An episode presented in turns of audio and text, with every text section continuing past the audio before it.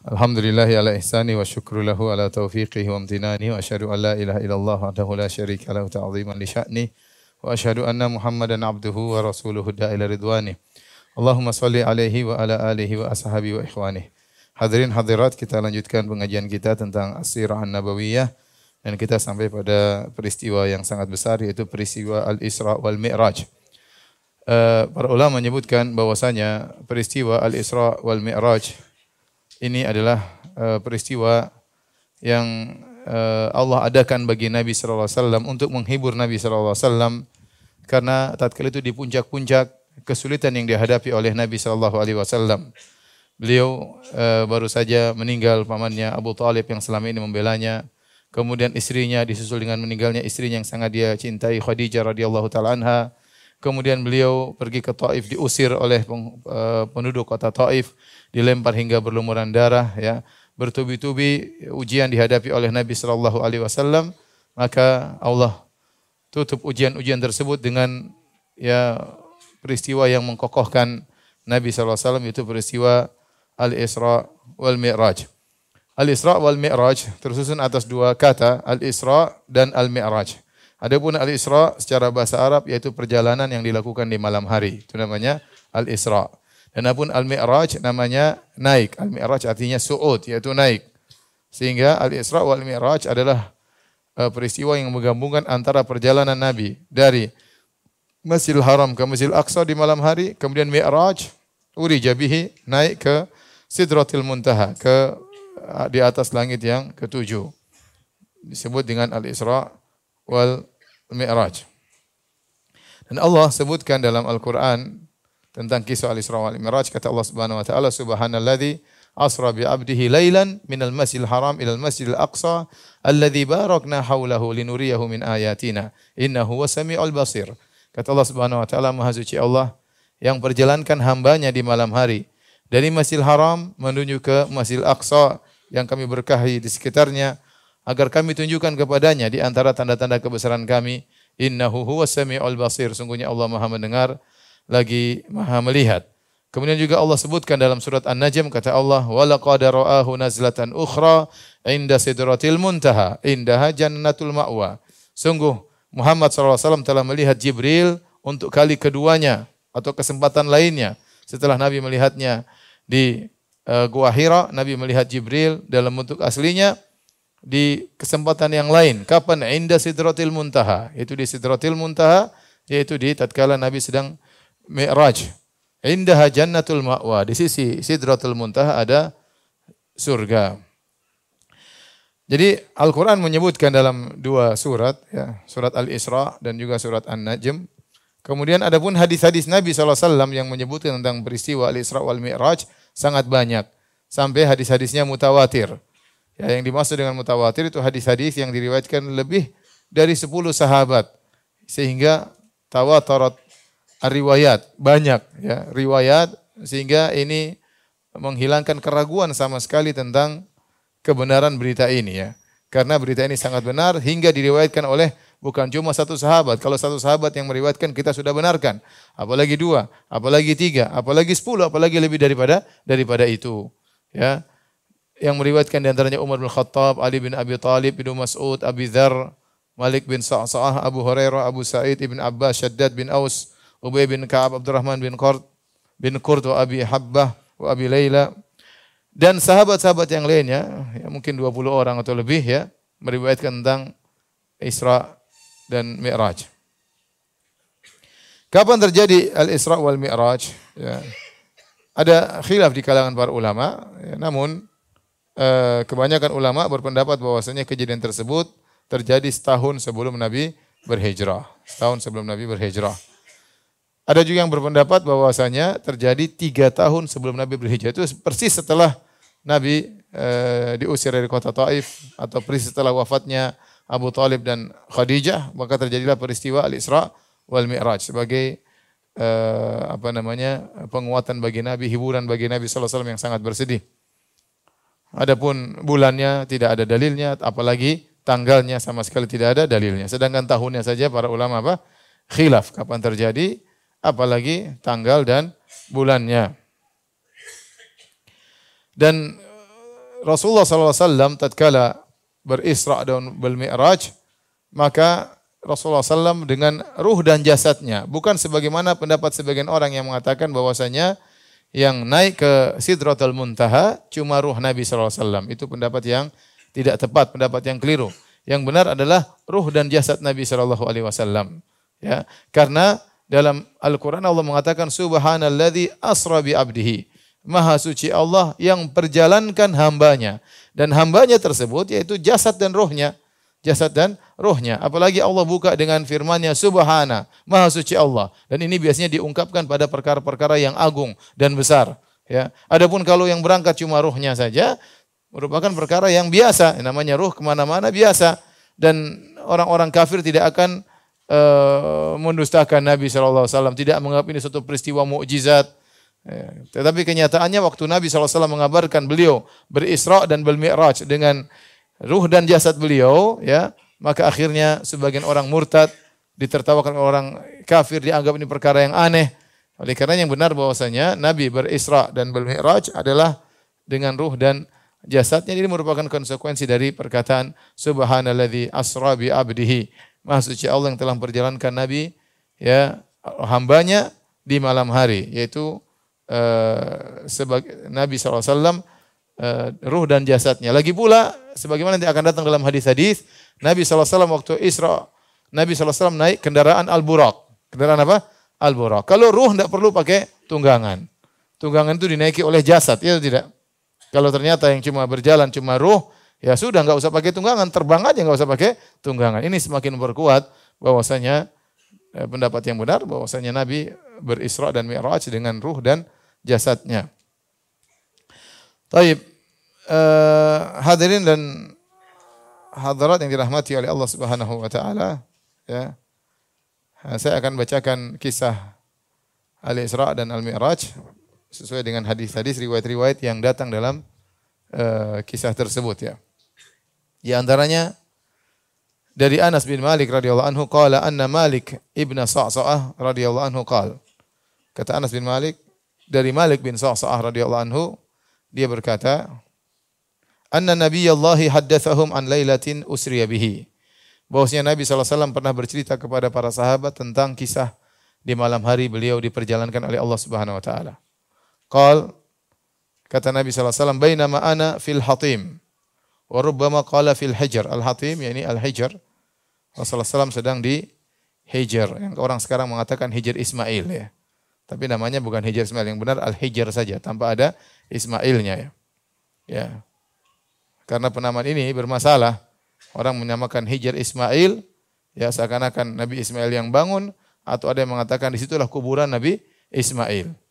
Ya, makom Ibrahim benar, situ tempat berdirinya Nabi Ibrahim. Makom tempat berdiri bukan makamnya Ibrahim, tapi tempat berdirinya siapa Nabi Ibrahim tatkala beliau naik di atas batu untuk menyusun Ka'bah. Adapun hijr dibuat belakangan di zaman orang-orang Quraisy tatkala mereka merenovasi Ka'bah seperti, seperti sebagaimana pernah kita sampaikan maka dibuat batas. Hijr artinya pembatas. Ya, bahwasanya Ka'bah aslinya sampai di situ ya. Kemudian dibuat pembatas ya. Hanya saja orang Quraisy waktu bangun Ka'bah duitnya enggak ada sehingga bangun Ka'bah cuma separoh ya. Maka dibuat batasan bahwasanya pondasi Ibrahim tatkala dibangun Ka'bah oleh Ibrahim sampai daerah situ maka disebut dengan Al-Hijr. Waktu Nabi SAW sedang tidur di Al-Hijr muttaji'an dalam kondisi berbaring, id atani atin. Tiba-tiba datang kepadaku sesuatu yaitu malaikat Jibril ya. Qala kemudian faqadda atau fasyaqqa ma baina hadhi ila hadhihi. Maka Nabi mengatakan yang datang tersebut malaikat membelah dari sini sampai ke sini kata Nabi sallallahu alaihi wasallam yaitu min thugrati nahrihi ila syi'ratihi. Dari sini lubang sini ya. Di atas leher ada lubang ini kan. Itu namanya thugrah. Ya, kemudian sampai di al-ana di bawah pusar itu dibelah ya. Uh, Thumma utitu bi tastin min dhahabin mamlu'atin imanan. Kemudian dihadirkan sebuah tempayan terbuat dari emas penuh dengan keimanan. Faghasala qalbi. Kemudian malaikat tersebut mengeluarkan jantungku kemudian membersihkan jantungku. Thumma husya, thumma aida. Kemudian dimasukkan kembali jantungku, kemudian di uh, dikembalikan ya. dijahit kembali dan sudah pernah kita sampaikan Nabi SAW eh, dibelah dadanya sebelumnya kapan? Tatkala di Taif ya. Sudah lupa kah? Pengajian lama sekali. Enggak pernah murajaah ini. Ini pertama kali dadanya dibelah tatkala beliau di Taif ya, waktu sekitar usia 4 tahun. Kejadian kedua tatkala beliau Isra Mi'raj. Ya, Allah alam bisawab. Uh, waktu di umur 4 tahun dibelah di Taif untuk mempersiapkan diri Nabi SAW sehingga tidak mudah digoda syaitan meskipun beliau belum diangkat menjadi seorang Nabi. Dan sekarang Nabi dibersihkan kembali untuk persiapan bertemu dengan Rabbul Alamin, bertemu dengan Allah Subhanahu wa taala. Ya. Agar jiwa beliau kuat, maka jantung beliau dibersihkan oleh malaikat. Thumma utitu bidabatin dunal bagli wa fawqal himar abyad. Kemudian dihadirkan kepadaku seekor hewan yang uh, lebih kecil daripada begol tetapi lebih besar daripada himar. Dikatakan al-buraq ya al-buraq. Begol adalah hewan perpaduan antara kuda dan himar. Kuda dan himar kawin, lahirlah namanya apa? Begol ya. Begol itu lebih besar daripada himar tapi lebih kecil daripada kuda. Jadi kalau urutan besar kuda, begol baru apa? Himar. Nah, buruk tuh di antara begol dan apa? Himar. Jadi urutannya kuda, begol, buruk baru apa?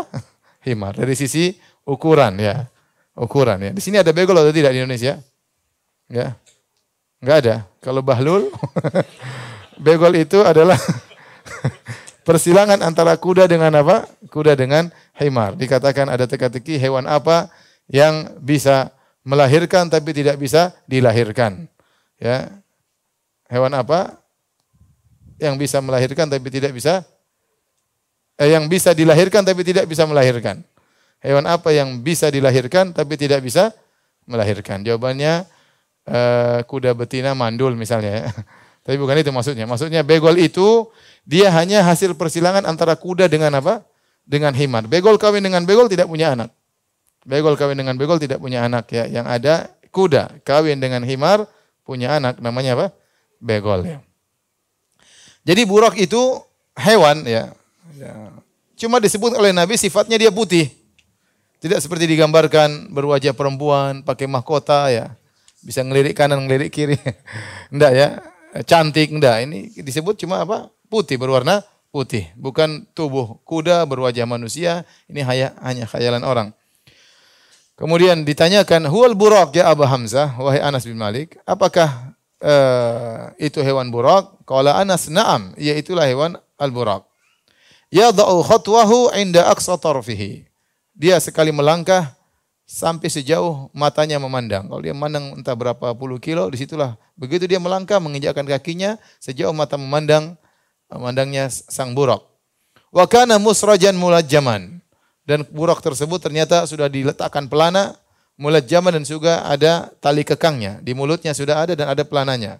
Falamma arada Nabi alaihi wasallam ayyarkabahu. Tatkala Nabi hendak menunggangi buruk tersebut, istas'aba alaihi Tiba-tiba buruk tersebut tidak mau dinaiki oleh Nabi sallallahu alaihi wasallam. Faqala lahu Jibril alaihi salam. Jibril berkata kepada sang buruk, "Abi Muhammadin, taf'alu hadza? Apa kau melakukan demikian bagi Muhammad? Faqad raqibaka ahadun fama raqibaka ahadun akramu 'ala Allah minhu." Tidak seorang pun yang pernah menunggangmu atau menunggangimu yang lebih mulia daripada Muhammad. Dan ini dalil bahwasanya buruk itu ditunggangi oleh nabi-nabi sebelumnya. Oleh karenanya para ulama menyebut Ibnu Hajar menyebutkan tatkala Ibrahim meletakkan putranya Ismail di lembah di Mekah, Nabi Ibrahim di Syam. Bagaimana dia mengunjungi eh, putranya? Dikatakan dengan naik apa? Naik burak ya. Sampai semula mengatakan setiap nabi naik burak. Dan burak terakhir dinaiki, kalau setiap nabi naik burak, pernah naik burak, maka burak terakhir dinaiki oleh Nabi Isa alaihissalam sekitar 500 tahun yang lalu. Ya. Makanya kalau ada yang mau naik lagi dia merasa asing. Sudah lama tidak dinaiki oleh para ambia. Makanya Jibril mengingatkan, "Fama raqibaka ahadun akramu 'ala minhu." Kenapa kau berbuat demikian terhadap Muhammad wahai Burak? Tidak ada yang menunggangimu lebih afdal, lebih baik, lebih mulia daripada orang ini. Farfadda arakan. Maka kemudian Burak tersebut diam, bercucuranlah keringatnya, siap dinaiki oleh Nabi sallallahu alaihi wasallam. Kata Nabi SAW, farakibtuhu. Maka aku pun naik di atas burak. Hatta ataitu baitul maqdis. Kemudian aku berjalan menuju baitul maqdis. Farabattuhu bil halqati allati yarbutu bih yarbitu bihal anbiya. Maka sana ada semacam uh, lingkaran besi ya. Di situ pun saya mengikat burak. Situlah tempat para nabi mengikatkan uh, tunggangan mereka. Thumma dakhaltul masjidah fa sallaitu fihi rak'ataini thumma kharajtu. Kemudian aku masuk di Masjid Aqsa, kemudian aku salat dua rakaat, kemudian aku keluar. Tatkala Nabi SAW berjalan dari Masjidil Haram menuju Masjid Aqsa, terjadi banyak kejadian-kejadian disebutkan dalam riwayat-riwayat yang lain. Jadi perjalanan Nabi di malam hari di Masjidil Haram sampai ke Masjidil Aqsa ada kejadian-kejadian. Di antaranya waktu Nabi SAW berjalan beliau diganggu oleh Ifrit. Al-Imam Malik meriwayatkan dalam kitabnya Al-Muwatta dari Yahya bin Sa'id. Beliau berkata, "Usriya bi Rasulullah wasallam fara'a ifritan minal jinni. Ifritan minal jinni yatlubuhu bi syu'latin min nar." Waktu Nabi berjalan dari Masjidil Haram ke Masjidil uh, Aqsa, dia dikejar oleh diikuti oleh jin ifrit dengan membawa uh, sebuah api yang menyala. Kullamal tafata Rasulullah sallallahu alaihi wasallam ra'ahu. Setiap Nabi berpaling melihat, maka Nabi melihat ifrit ya. Faqalahu Jibril, maka Jibril berkata, jadi ifrit mengganggu. Afala u'allimka kalimatin taquluhunna idza qultahunna tufiat syu'latuhu wa kharra fihi Maukah aku ajarkan kepada engkau Rasulullah suatu kalimat, suatu doa yang jika kau baca maka api yang dibawa Jibril tersebut akan mati dan dia akan tersungkur di atas mulutnya. Faqala Rasulullah SAW, bala tentu wahai Jibril. Maka Jibril berkata, faqul, ucapkanlah a'udhu biwajihillahil karim wa bi kalimatillahi tammati allati la yujawizuhunna barrun wala fajir min syarri ma yanzilu minas sama wa syarri ma ya'ruju fiha wa syarri ma dhara'a fil ardi wa syarri ma yakhruju fiha wa min fitani laili wan nahar wa min tawariqi laili ya. Sudah hafal doanya? Kalau dikejar ifrit baca doa ini ya.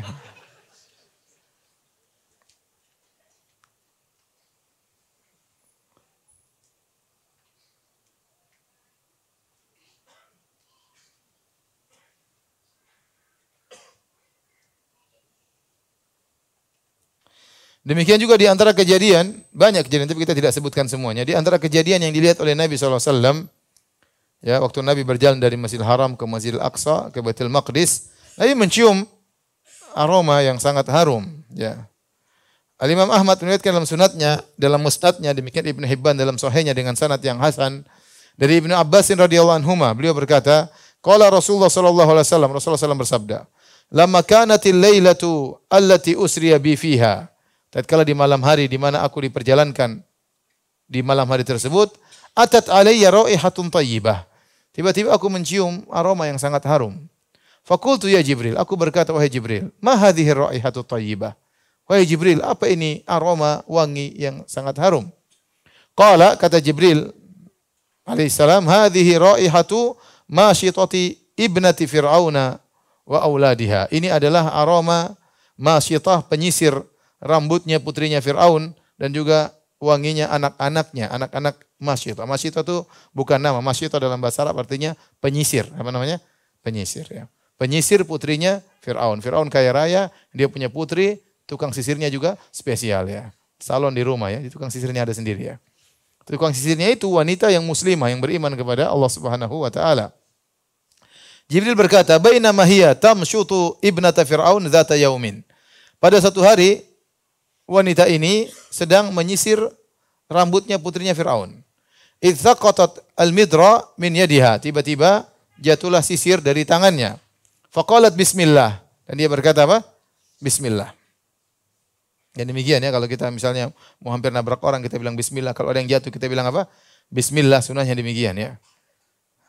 Dan itu sunnah yang tersebar di Arab Saudi ya. Kita kebiasaan kalau jatuh bilang apa? Innalillahi wa Tapi sebenarnya bilang apa? Bis Bismillah ya. Faqalat laha ibnatu, ibnatu Fir'aun, Abi, waktu dia mengatakan Bismillah dengan nama Allah, maka putri Fir'aun dengar. Dan dia komentar, dia berkata, maksudmu bapakku? Dengan nama Allah, maksudnya dengan nama bapakku? Qalat la. Kata Masyitah, penyisir rambut putri Fir'aun, bukan.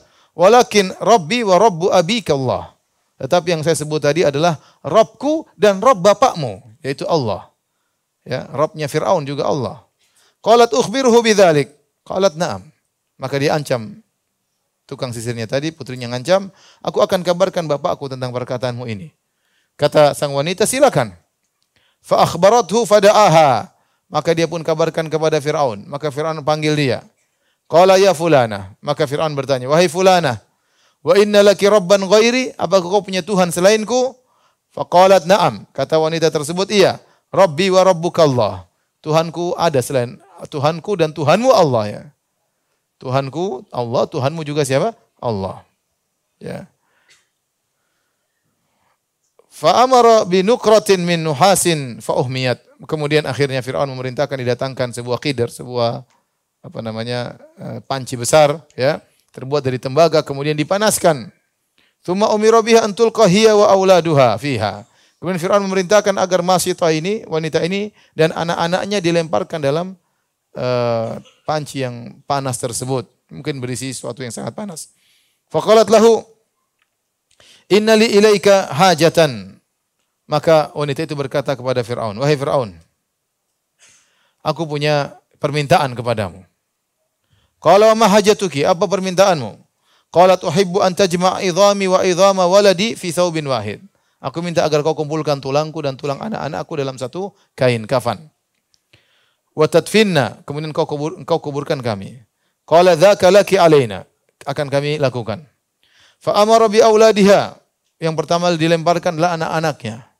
Ya, dengan harapan sang ibu berubah pikiran, lihat anak-anaknya dilemparkan dalam suatu yang sangat panas, entah minyak yang panas, entah air yang panas, intinya uh, dibunuh. Faulku baina yadaiha wahidan wahidan maka dilemparkanlah anaknya satu demi satu di hadapannya. Dia lihat semuanya. Ini ujian yang sangat berat ya. Fir'aun berharap dia berubah pikiran. Berat, satu persatu dilemparkan. Ila anintaha ila sobiyin laha murda, murda. Sampai akhirnya semua anaknya semua dilemparkan dan dia tetap tegar. Anaknya tinggal satu yang dia susui. Dia lagi gendong, tinggal dia lagi dia susui.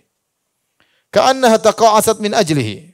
Waktu disuruh masuk ke dalam api dalam apa, panci yang panas tersebut, kayaknya wanita tersebut agak ragu ya. Kasihan anaknya tersebut. Dia tidak tega lihat anak kecilnya dilemparkan. Kala tiba-tiba anaknya berkata, "Ya ummah, iktahimi." Tiba-tiba anaknya berkata, "Wahai ibunda, masuklah ke dalam panci tersebut." Fa inna adzab dunya ahwanu min adzabil akhirah.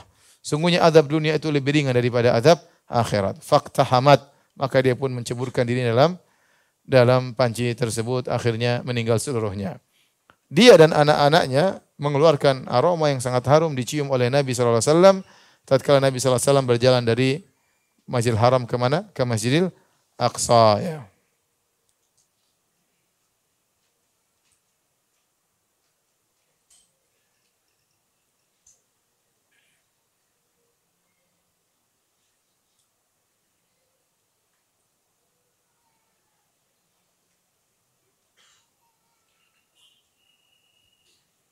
Banyak peristiwa-peristiwa yang dilihat oleh Nabi SAW. Ya.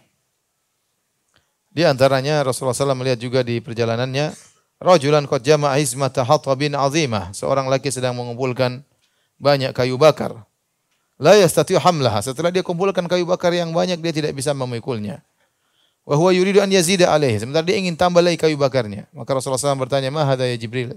Siapa orang ini Jibril? Qala hadha rajul min ummatika takunu indahu amanatun nas la yakdiru ala adaiha wa yuridu an yahmila 'alaiha. Ini orang banyak amanah orang-orang pada dia, ya. Dia pengurus misalnya, menerima amanah dari orang, namun dia tidak bisa menunaikan amanah tersebut. Dia sudah tidak bisa menunaikan amanah tersebut, dia masih ngumpulin lagi ya, amanah tersebut. Ya, hati-hati kalau seorang misalnya ngumpulin sumbangan dari masyarakat, ya, harus segera dia tunaikan amanah tersebut. Kalau tidak mampu jangan kumpulin terus tersebut sementara kumpulin terus mereka tidak mampu untuk menunaikan amanah yang dia dititipkan kepadanya oleh masyarakat. Kemudian juga di antara yang oleh Nabi sallallahu alaihi wasallam. Thumma Rasulullah sallallahu ala qaumin tuqradu alsinatuhum wa shifahuhum bimaqaridha min nar. Kemudian Nabi wasallam melihat suatu kaum yang mereka dirobek lidah-lidah mereka digunting dan bibir mereka digunting dengan gunting terbuat dari api. Kullama quridat adat kama kanat. Setelah digunting lidahnya, digunting bibirnya, digunting mulutnya, setelah digunting kembali lagi. Digunting lagi, kembali lagi. La yafturu anhum min dzalika syai. Tidak berhenti sama sekali. Terus demikian. Nabi melihat kondisi tersebut. Maka Rasulullah SAW berkata, Ya Jibril, man haula? Siapa orang-orang itu yang lisannya di, di, di, di, digunting, bibirnya seakan-akan Nabi diperlihatkan masa depan tentang orang-orang yang disiksa pada malam tersebut. Qala haula'i khotaba'u min ummatik. Kata kata Jibril, mereka itu adalah khotib-khotib dari umatmu wahai Rasulullah. Ya'muruna nasa bil birri, mereka menyuruh orang-orang untuk berbuat kebaikan, wa yansawna anfusahum dan mereka lupa tentang diri mereka sendiri, mereka tidak mengamalkan apa yang mereka sampaikan. Wa hum yatluna al-kitaba afala ya'qilun. Mereka baca Al-Qur'an namun apakah mereka tidak memahami isi Al-Qur'an? Ini peringatan kepada khotib-khotib, para penceramah-penceramah para dai-dai. Ini peringatan khusus buat saya ya. ya. Bahwasanya hati-hati tatkala menyampaikan seorang berusaha untuk mengamalkan apa yang dia sampaikan ya. Atamuruna nasa bil birri wa tansawna anfusakum wa antum tatluna al-kitab. Afala taqilun. Kata Allah, apakah kalian menyampaikan kebaikan kepada orang lain? Ya, sementara kalian melupakan diri kalian sendiri. Apa kalian tidak membaca Alkitab? Apa kalian tidak memahami isi Alkitab? Yaitu Al-Quran. Ya, jangan menjadi lilin yang memberi cahaya kepada orang lain sementara dia sendiri apa? terbakar ya. Ya betapa banyak orang menyampaikan ilmu, menyampaikan nasihat tapi dia tidak mengamalkannya. Betapa banyak orang share-share ya, semangat nge-share tapi tidak semangat mengamalkannya. Kalau Anda menulis status atau Anda menge-share, yang paling utama adalah share pada diri Anda sendiri untuk diamalkan sebelum di-share kepada orang lain ya. Apalagi sudah sudah sampai pada derajat khotib, suka ceramah. Ceramah, menyampaikan ya, khutbah, ternyata menyelisih apa yang dia sampaikan.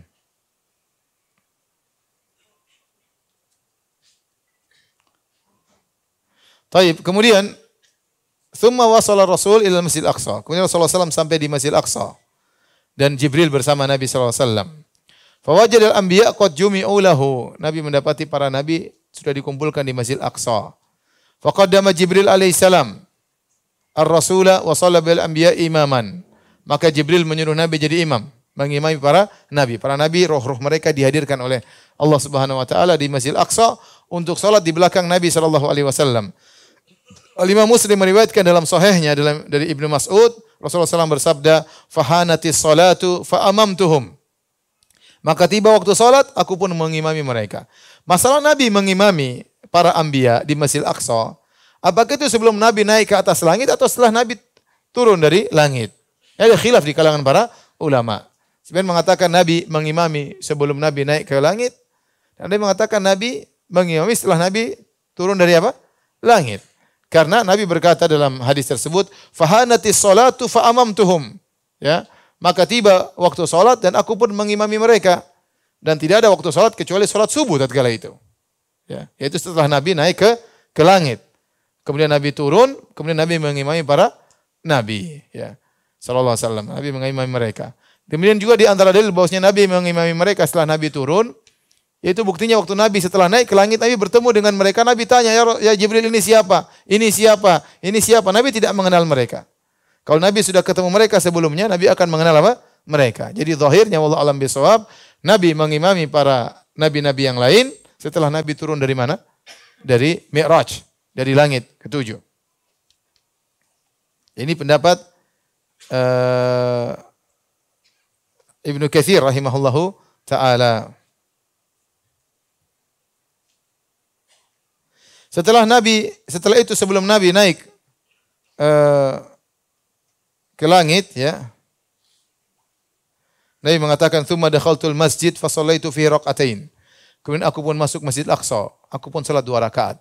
Tidak disebutkan salat bersama Nabi. Bersama Nabi-Nabi yang lain. Ini pertama Nabi datang. Masjid Aqsa, Nabi salat dua rakaat. Ya. Mungkin tahiyatul masjid atau apakah. Faja'ani Jibril alaihissalam bi ina'in min khamr wa ina'in min laban. Kemudian Jibril pun mendatangkan kepadaku dua ina, dua gelas. Yang satu isinya khamr, satu isinya susu.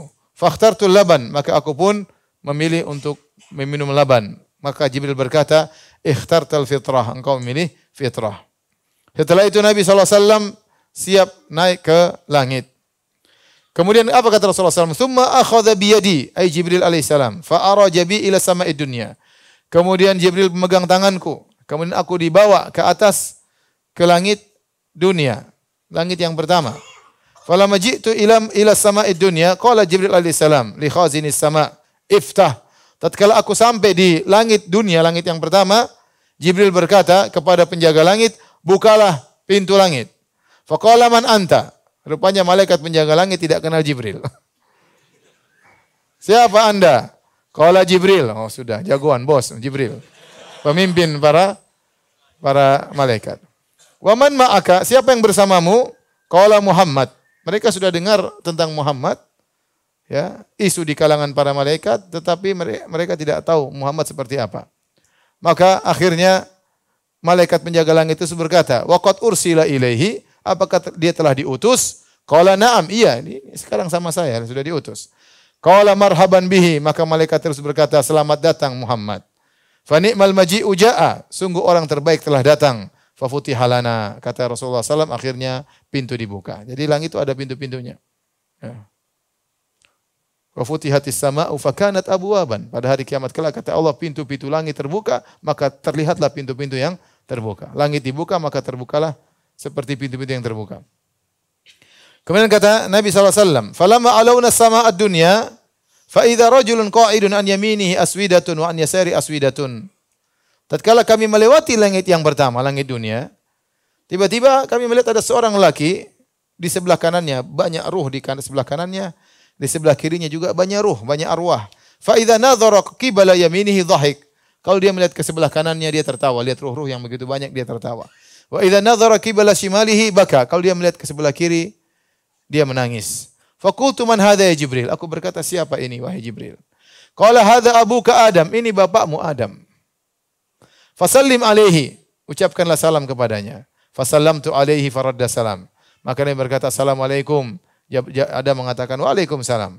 Kemudian Adam mengenal Nabi Muhammad SAW. Beliau berkata, marhaban bil ibni saleh wa nabi saleh. Selamat datang wahai putraku yang saleh. Selamat datang wahai nabi yang saleh. Kemudian Jibril berkata, hadhil aswidatu an yaminihi wa an shimalihi nasamu banihi fa ahlul yamin ahlul jannah.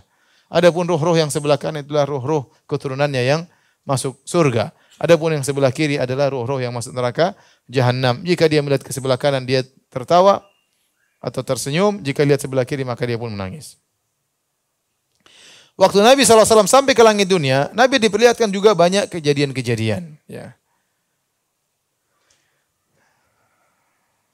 Di antaranya dari Abu Sa'id Al-Khudri radhiyallahu anhu, qala Rasulullah SAW, Rasulullah SAW bersabda, "Lamma dakhaltu sama dunya, tatkala aku masuk ke langit dunia." Kemudian Nabi berkata, "Ra'aitu rijalan lahum masyafir kama syafiril ibil." Aku melihat lelaki-lelaki yang mereka memiliki mulut seperti mulut onta. Fi aidihim kita'un min narin kal afhar.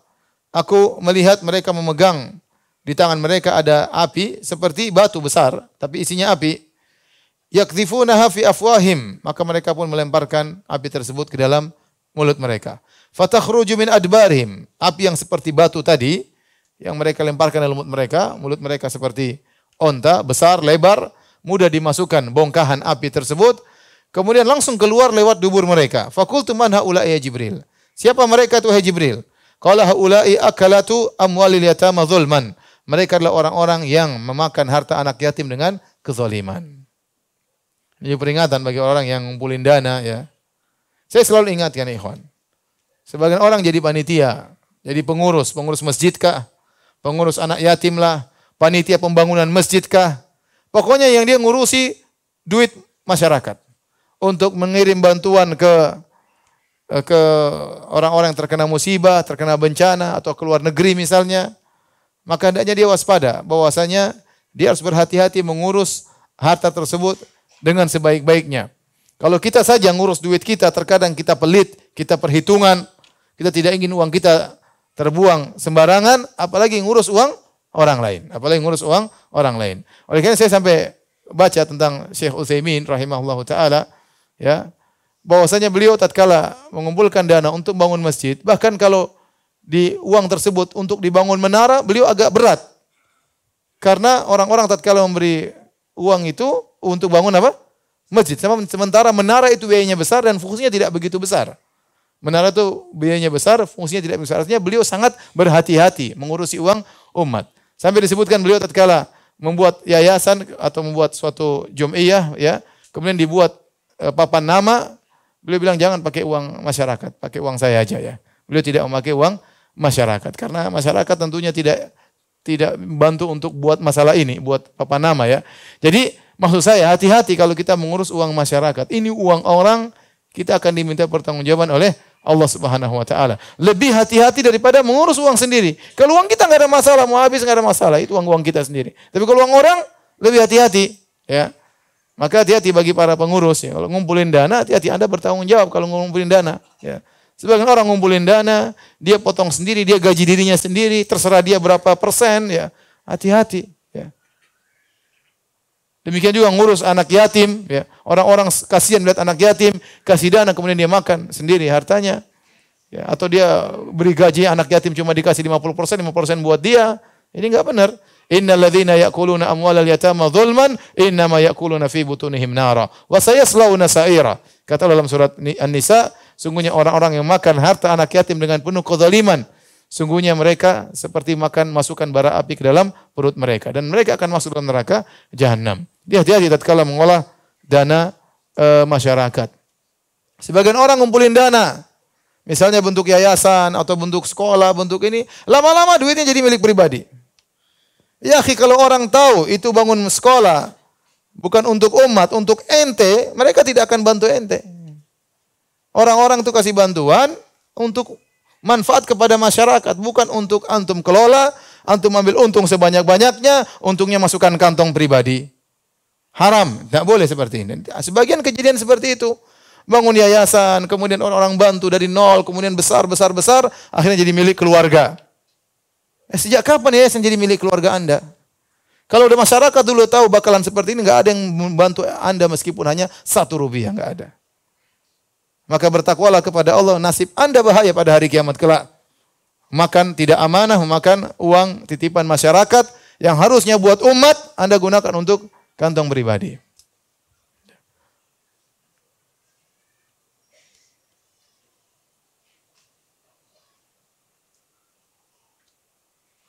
Kemudian Nabi SAW juga melihat tentang kondisi orang-orang yang suka bergibah ria. Al-Imam Ahmad dalam musnadnya dan Abu Daud dalam sunannya dengan sanad yang sahih. Ini baru di langit dunia ya. Nabi diperlihatkan lagi. Nabi berjalan dari Masjid Haram, Masjid Aqsa dilihatkan banyak peristiwa. Dari tatkala melewati langit dunia juga Allah melihatkan banyak peristiwa. Lama uri jabi rabbi marartu bi qaumin lahum azfarun min nuhas. Tatkala aku dinaikkan ke langit, kata Nabi SAW, aku melihat suatu kaum, mereka memiliki kuku-kuku dari tembaga. Yakhmishuna wujuhahum sudurahum. Kemudian mereka cakar-cakar wajah mereka dan mereka cakar-cakar dada-dada mereka. Fakultu man haula ya Jibril. Maka aku bertanya, siapa mereka itu wahai Jibril? Qala haula alladziina ya'kuluna luhuman nas. Mereka adalah orang-orang yang makan daging manusia. Wa yaqauna fi aradhihim dan mereka ya menggibah ya menjatuhkan harga diri orang lain ya. Ini bahaya orang yang melakukan gibah.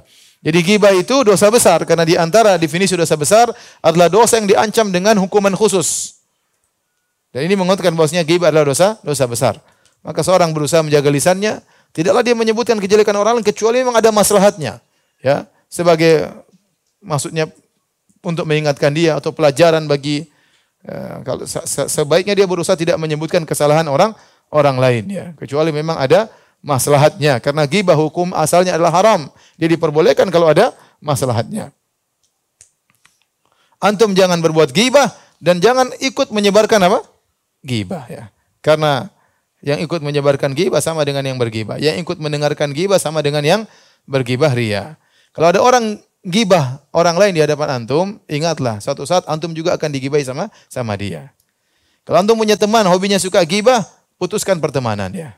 Cari teman yang lain yang suka ngajak makan ya. Jangan yang suka gibah, makan nasi kita makan nasi makan daging bukan makan daging manusia ya. Cari aja yang suka ajak makan yang makan beneran bukan daging makan daging manusia. Kalau dia gibah dia ngajak kita makan daging saudara kita ya.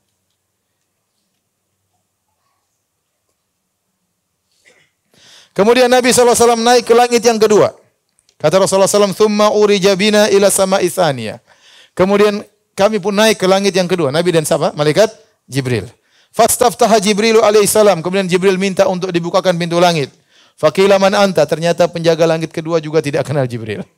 Siapa anda? Kala Jibril. Oh, Jibril. Fakila wa man ma'aka. Siapa yang bersama engkau? Kala Muhammadun. Muhammad. Maka ditanya, waqat ursila ilaihi, apakah dia sudah diutus? Sudah mereka sering dengar baru tahu Nabi sudah ada, ada. Qala na'am, iya. Kila marhaban bihi, maka dikatakan kepada Rasulullah selamat datang Rasulullah sallallahu alaihi wasallam. Maji'u ja'a, sungguh tamu yang terbaik telah datang. Ya. Qala Rasulullah sallallahu alaihi wasallam, Rasulullah sallam kemudian berkata, "Fafutihalana," maka dibukakanlah pintu langit kedua. Fa idza ana bibnai al-khalati Yahya bin Zakaria wa Isa bin Maryam alaihi salam. Tiba-tiba aku bertemu dengan dua nabi yang merupakan dua sepupu sama-sama anak bibi yaitu Yahya bin Zakaria dengan Isa bin Maryam. Yahya bin Zakaria Isa bin Maryam punya hubungan keluarga ya. Jadi uh, Imran menikah dengan seorang wanita, kau namanya Hannah ya. Kemudian Zakaria menikah dengan seorang wanita juga, ya, punya anak Yahya. Imran menikah dengan seorang wanita punya anak namanya siapa? Maryam, ya, punya anak namanya Maryam, ya. Ini pendapat pertama, ya, bahwasanya ibunya Nabi Isa sepupuan dengan ibunya Nabi Yahya. Ya, karena ada yang mengatakan bahwasanya uh, istrinya Zakaria itu saudarinya saudarinya Maryam ya. Oh, bukan, saudarinya ibunya Maryam. Saudarinya ibunya Maryam. Ini pendapat pertama. Ibunya Zakaria, saudarinya ibunya Maryam. Sehingga anaknya Maryam itu Isa, kemudian anaknya eh, Zakaria yaitu Yahya seakan-akan dua bersaudara ya. Karena uh, Maryam ibunya Z eh, bingung ya. Gak ada gambar sih, bisa gambar sih. Coba kasih gambar ya. Coba. Ini Zakaria, ini siapa? Ini Imran, Zakaria Imran ya. Istrinya Zakaria, saudaranya istrinya Imran. Paham? Nah, Imran dengan istrinya ini punya anak namanya Maryam. Zakaria dengan istrinya punya anak namanya siapa ya? Yahya. Jadi seharusnya Yahya bersepupuan dengan siapa? Maryam dengan ibunya Nabi Isa. Kemudian Maryam punya anak namanya siapa? Isa. Jadi, tetapi karena eh, apa namanya sepupunya neneknya Maryam ya atau apa bibinya Maryam sama dengan bibinya Isa. Ya, Maryam punya bibi yaitu ibunya Zak, ibunya Yahya. Bingung ya? Maryam punya bibi, bibinya Maryam itu ibunya siapa? Yahya. Ya. Sehingga bibinya Maryam itu kholahnya Maryam sama dengan kedudukannya dengan bibinya Isa. Ya. Oleh karenanya Isa dengan Yahya ini sama-sama anak bibi. Itu pendapat pertama. Pendapat yang kedua. pendapat yang kedua bahwasanya ibunya uh, ibunya Yahya dan ibunya Maryam sepupuan. Eh, ibunya Yahya dan ibunya Isa apa? Uh, sepupuan. Ibunya kalau tadi ibunya Yahya adalah bibinya Maryam, sekarang ibunya Yahya sepupunya apa? Maryam. Sehingga Isa dan Yahya ini sama-sama sepupu juga. Karena sama-sama bibinya. Ibunya Yahya, bibinya Isa, ibunya Isa, bibinya siapa? Yahya. Paham? Lebih gampang mendapat yang kedua kan?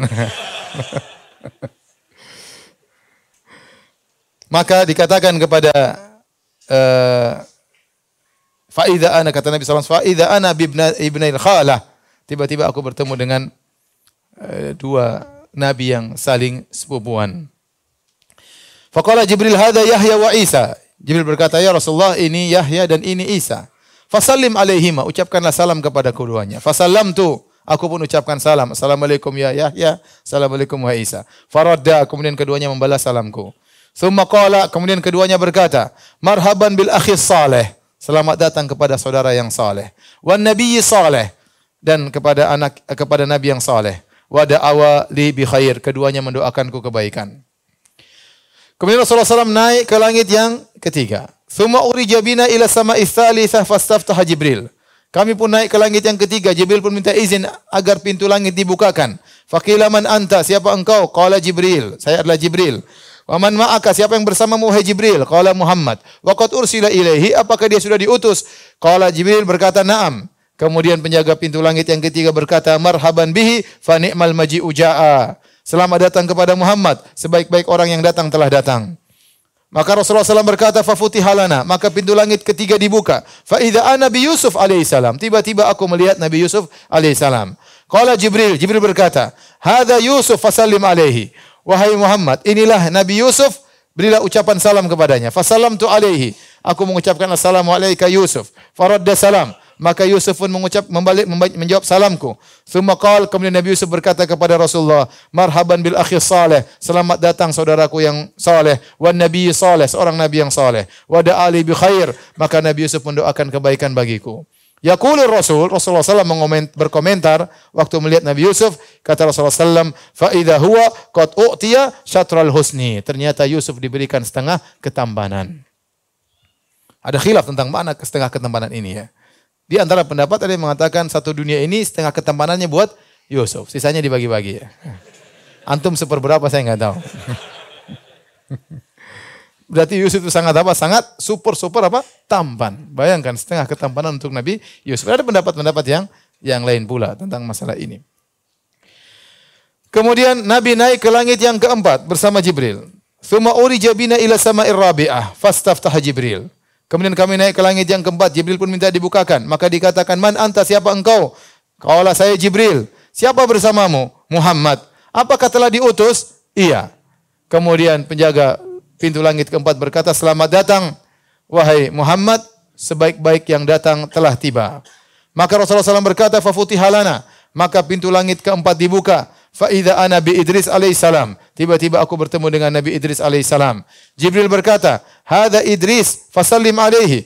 Ya Rasulullah ini adalah Idris, ucapkanlah salam kepadanya. Fasallam tu alaihi. Aku pun ucapkan salam kepada Idris. Maka dia pun membalas salamku. Kemudian dia berkata, Marhaban bil akhi saleh wa nabi saleh. Selamat datang kepada saudara yang baik dan nabi yang baik. Wada ali bi khair. Dan dia pun mendoakanku. Subhanallah, setiap nabi bertemu dengan uh, para nabi yang lain, semuanya mendoakan siapa? Rasulullah SAW.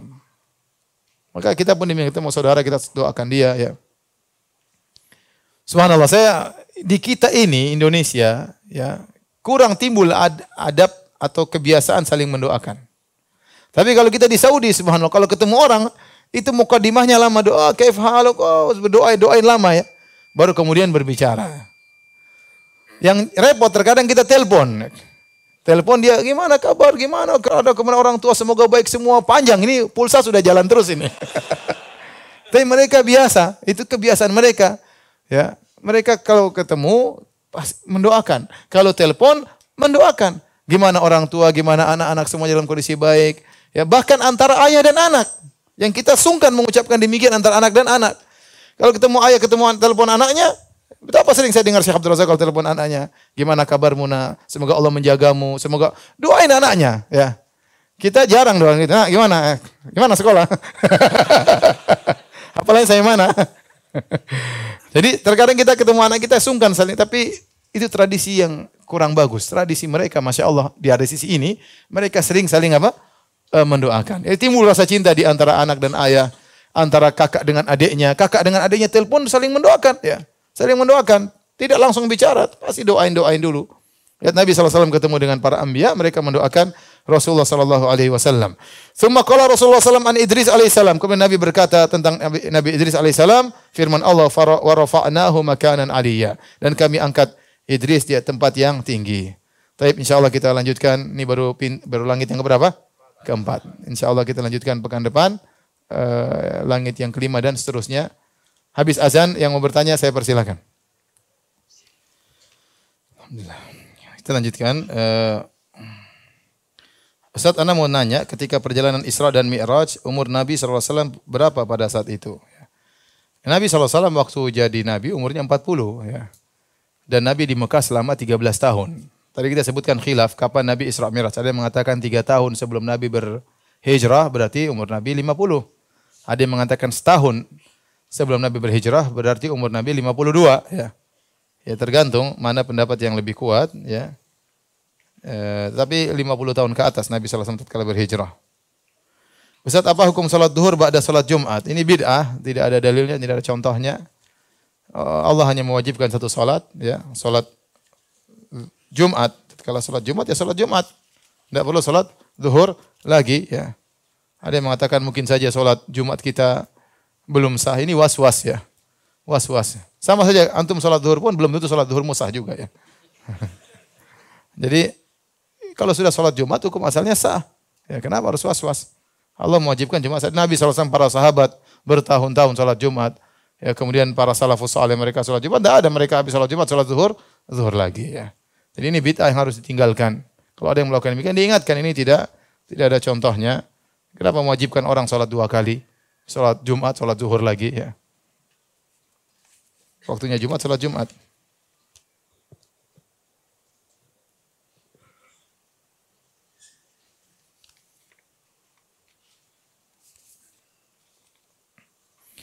Soal infak dan keperluan fasum dalam pengumpulan dana masyarakat berkata 100% untuk masyarakat. Apa apa ada standar syarat untuk pembagian itu? Pembagian apa saya nggak paham. Ya, kalau kita bilang 100% untuk fasum, ya kita tatkala ngumpulin dana bilang benar-benar buat fasum sehingga dana tersebut benar-benar untuk apa? Fasum. Sehingga yang mau menyumbang itu dia ngerti duit ini untuk apa. Jangan kita bilang untuk A, ternyata kita olah untuk B. Itu namanya tidak amanah ya. Tidak amanah. Bagaimana menghadapi pasangan hidup yang tidak bisa menjaga lisan dan selalu suudzon terhadap orang lain? Dihadapi dengan baik ya. Jawabannya dihadapi dengan apa? baik. nasihati, nasihati ya, nasihati bahwasanya tidak boleh suudzon kepada orang. Asalnya manusia itu suudzon kepada dirinya, berhusnuzon kepada orang lain. Bukan sebaliknya, suudzon sama orang lain, husnuzon pada diri sendiri. Ini yang terjadi, kebanyakan orang husnuzon sama diri sendiri, dia merasa dirinya hebat, merasa dirinya nggak punya salah, dia merasa hatinya bersih, ya, merasa hatinya baik. Sama-sama orang lain dia seudon. Padahal dalam yang diajarkan kita seudon pada diri kita, cek diri kita ini mungkin ada penyakitnya, hati kita mungkin nggak beres, mungkin kita nggak ikhlas. Kita kita kalau nyeken diri kita banyak skipnya, tapi kalau kita nyeken orang lain, kita scan dia luar biasa. Ya. Benar-benar detail scannya. Oh si Fulan tuh begini, begini, begini, begini. Benar kata pepatah Indonesia, ya apa? Gajah di peluk mata tidak kelihatan, apa? Semut di seberang lautan kelihatan. Itu pepatah yang baik. Oleh karena seorang uh, ajarkan kepada istrinya jangan terlalu seudon kepada orang kita pun masih banyak kesalahan. Ya, bawa kepada uh, uh, makna-makna yang baik. Ya. Apalagi Nabi SAW berkata, Iyakum wadhan fa inna dhanna akdzabul hadis. Waspadalah kalian tentang buruk sangka. Karena buruk sangka itu adalah seburuk-buruk kedustaan, seburuk-buruk pembicaraan. Dia lebih buruk daripada dusta. Ya. Zon itu kata Nabi akzabul hadis, seburuk-buruk pembicaraan. Kenapa dikatakan Nabi seburuk-buruk pembicaraan padahal dia belum tentu dusta? Kenapa kalau dusta kita berdusta kita tahu kita berdusta. Tapi kalau kita berprasangka padahal belum tentu benar, kita sudah menyangka itu benar. Ya, kita sudah menyangka itu benar padahal belum tentu benar. Tapi kalau kita dusta kita ngerti kita dusta. Maka ini dari sisi inilah dia lebih buruk daripada apa? Kedustaan. Ya. Sehingga banyak orang berdalil dengan zon Padahal itu bukan dalil, itu hanya persangkaan ya. Maka seorang salah mengatakan jika engkau melihat saudaramu melakukan kesalahan, fatlub lahu tis'ina uh, uzran. Fa illam tajid fa anta al-ma'ibu ya. Kalau kau melihat saudaramu melakukan aib kesalahan maka carilah 90 alasan untuknya ya. Kalau kau tidak menemukan engkau yang tercela ya. Engkau yang tercela ya. Lalu kita ketemu kawan kita ternyata naik motor sama cewek tidak pakai jilbab. Kita husnuzan, ya mungkin itu adiknya belum dapat hidayah, belum ngaji ya. ya. Kok muka, mukanya beda? Ya mungkin mungkin eh, apa namanya bapaknya poligami, bapak yang satu yang satu. Husnuzan ya. Ya, husnuzan terus kita husnuzan ya. itu bukan adiknya, ya mungkin istrinya. Istrinya nggak begitu. Pokoknya husnuzan terus ya. Kalau tidak ketemu baru ya tapi maksud saya ini kita berusaha husnuzon terlebih dahulu. Makanya dikatakan bahwasanya suudzon itu ibadah sesuatu yang melelahkan. Kalau benar tidak dapat pahala, ya kalau kalau eh, kalau salah, kalau benar pun salah, apalagi apalagi salah ya. Kita suudzon itu meskipun zon kita itu benar, itu kita salah, kita nggak boleh suudzon sama orang. Apalagi kalau ternyata apa? Salah. Kita hanya boleh bersuudzon kalau ada benar-benar korinah yang kuat. Indikasi-indikasi, indikator-indikator yang kuat yang menunjukkan ini baru kita boleh suudzon. Kalau enggak asalnya kita harus salamatus sadar, dada kita harus bersih. Tidak usah kita berburuk sangka pada orang lain. Apalagi kita suudzon sama dia tidak ada urusan dengan kita. Tidak ada urusan dengan kita, ngapain kita suudzon? Kemarin Ustadz bilang Abu Bakar sholat di pekarangan rumahnya dengan bacaan yang merdu. Sedangkan peristiwa Isra Mi'raj belum ada perintah sholat. Sudah ada sholat ya. Nabi berdakwah sudah sholat. Bilal sudah sholat, Abu Bakar sudah sholat. Tapi Isra Mi'raj ini hanya sholat, perintah sholat lima waktu. Sebelumnya Nabi sudah sholat ya.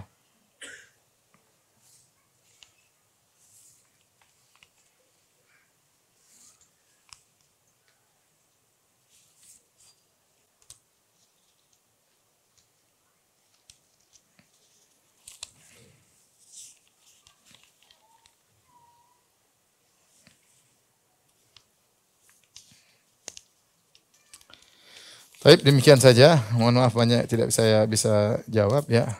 Bisa ditanyakan kesempatan yang lain. Uh, Subhanakallah bihamdik asyhadu an la ilaha illa anta astaghfiruka Assalamualaikum warahmatullahi wabarakatuh.